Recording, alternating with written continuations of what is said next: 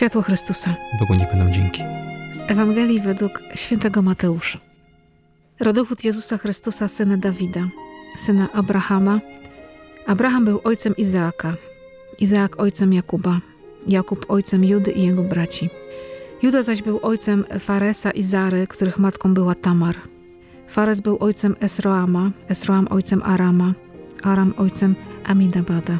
Aminadab był ojcem Naassona, Naasson ojcem Salomona, Salomon ojcem Boaza, a matką była Rahab.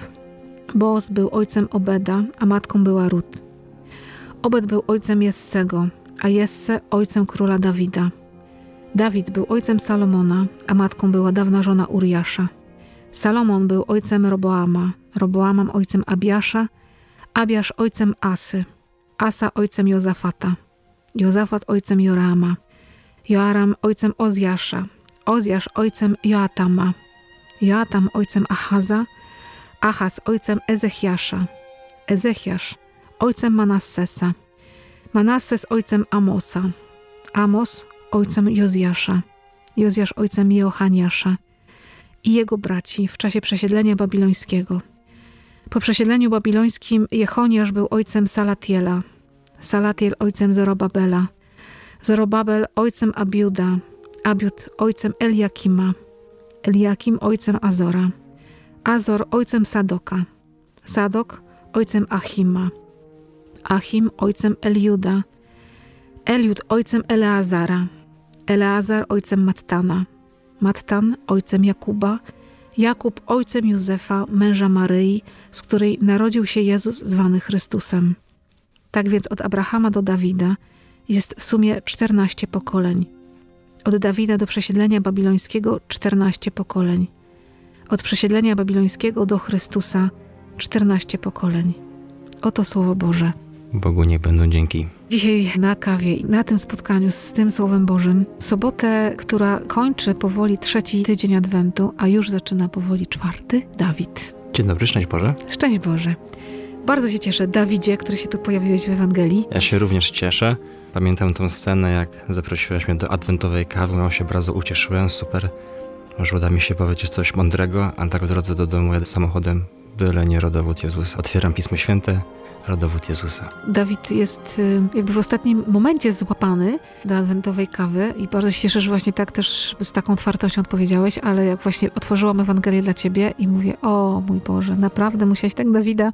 Trudno się to czyta, ale może łatwiej się to rozumie. Tak, w myśl zasady, że w Piśmie Świętym nie ma ani za dużo, ani za mało, ani kropki, ani żadnego przecinka. Starałem się wziąć tą Ewangelię na warsztat, mhm. uruchomiłem komputer, otworzyłem mądre książki i tam pojawiło się te wszystkie teologiczne rozważania, że tu Mateusz może się pomylił, mówi, że jest 14, a jest 13. Wszyscy prorocy są wymienieni jako ojcowie, tylko Józef jako mąż. I tam tych ciekawostek było coraz więcej, coraz więcej, coraz więcej. Głowa coraz większa, coraz większa. Tak, tak, tak. I tak w pewnym momencie, pewnie za dotknięciem Ducha Świętego, gdzieś tak było, że nie, to nie jest ta droga i miałem taką inną myśl. Oczywiście każdy odczytuję to na swój sposób. Ja myślę, że akurat jestem w tym momencie życiowym i też odczytają to inaczej, bo czas Adwentu jest piękny. Dostajemy cztery tygodnie, żeby się przygotować na przyjście Jezusa Chrystusa. Dzisiaj jest to proste, dzisiaj jest to łatwe. Z zewnątrz jesteśmy bombardowani muzyką, piosenkami. Sam w domu widzę, że żona, a tu jakiś Mikołaj, a tu jakaś gwiazdeczka, a tu jakaś świeczuszka. Klimat zewnętrzny sam się robi, sam się tworzy. Chyba nie o to chodzi. Klimat wewnętrzny jest trudniejszy. Klimat jest dużo trudniejszy. Jak się ubierzemy w te wszystkie swetry, takie te piękne, kolorowe, te charakterystyczne, które wciągamy tylko na święta, to myślę, że budujemy taką troszeczkę skorupę. Mhm. Że tak naprawdę troszeczkę się chyba wstydzimy tego naszego wnętrza. Jak sobie uruchomimy telewizor, to zobaczymy tam, że wszyscy siedzą przy wigilijnym stole, jest ciepło, jest miło, jest przyjemnie, wszyscy mają uśmiechy na twarzy, a wiem i domyślam się, że pewnie nie wszędzie tak jest.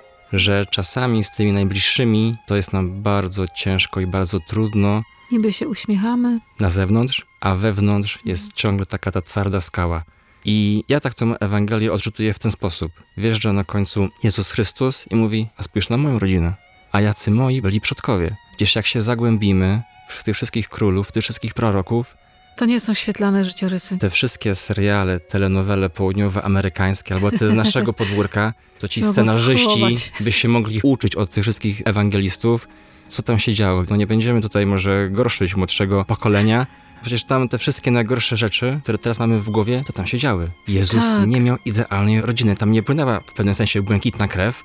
I co, on miał się jej wyprzeć? On miał się Pan zaprzeć? Bóg swojego syna dał w taką rodzinę, w takich przodków nieświetlanych. To dzisiaj, no król Dawid, hmm, przecież to był grzesznik i łajdak, no. Uwiódł żonę swojego podwładnego, którego skazał tak naprawdę na śmierć, bo go wysłał na wojnę, żeby zginął. Dokładnie tak. Co to za przodek? To tylko wykreślić z drzewa genealogicznego i się więcej do niego nie przyznawać. A Jezus się nas nie wypiera. Myślę, to jest takie trochę wołanie, że chociaż jeden dzień roku usiądźmy wspólnie do długiego stołu całą rodziną i schowajmy te nasze wszystkie waśnie, te nasze wszystkie kłótnie, które się pojawiają przez cały rok, żeby móc zjeść jedną uroczystą kolację w ciągu roku. Może wiesz, nawet i właśnie i kłótnie, ale też i oczekiwania, żebyśmy byli idealni. Bo Tak. myślę, że przez to, że zewnętrznie dużo się mówi o tych idealnych, magicznych świętach, oczekujemy, żebyśmy usiedli z moją rodziną i żeby też tak było idealnie. Nie będzie idealnie, bo się pewnie do wieczerzy wigilijnej poprztykamy o różne rzeczy, bo to jakoś zawsze tak jest, że... A to tylko ty- tydzień został. Tylko tydzień został. I w tym tygodniu pewnie nie jedna sprawa na ostrzu noża będzie, bo ktoś coś zapomniał, bo to jest zupełnie normalne i ludzkie. Pewnie nie chodzi o to, żeby teraz puścić w ogóle cukier i powiedzieć, dobra, wszystko mi jedno jak będzie. Nie, powalczmy o to, żeby naprawdę było dobrze. Trzeba się przeprosić, to się trzeba przeprosić. Ale nie będzie idealnie. Będzie dobrze, jak będzie Pan Bóg w centrum. Właśnie i ostatnio też usłyszałem takie bardzo mądre słowa, że najdłuższa odległość w całym wszechświecie to jest ta z głowy do serca. I to jest prawda, ja się z tym zgadzam.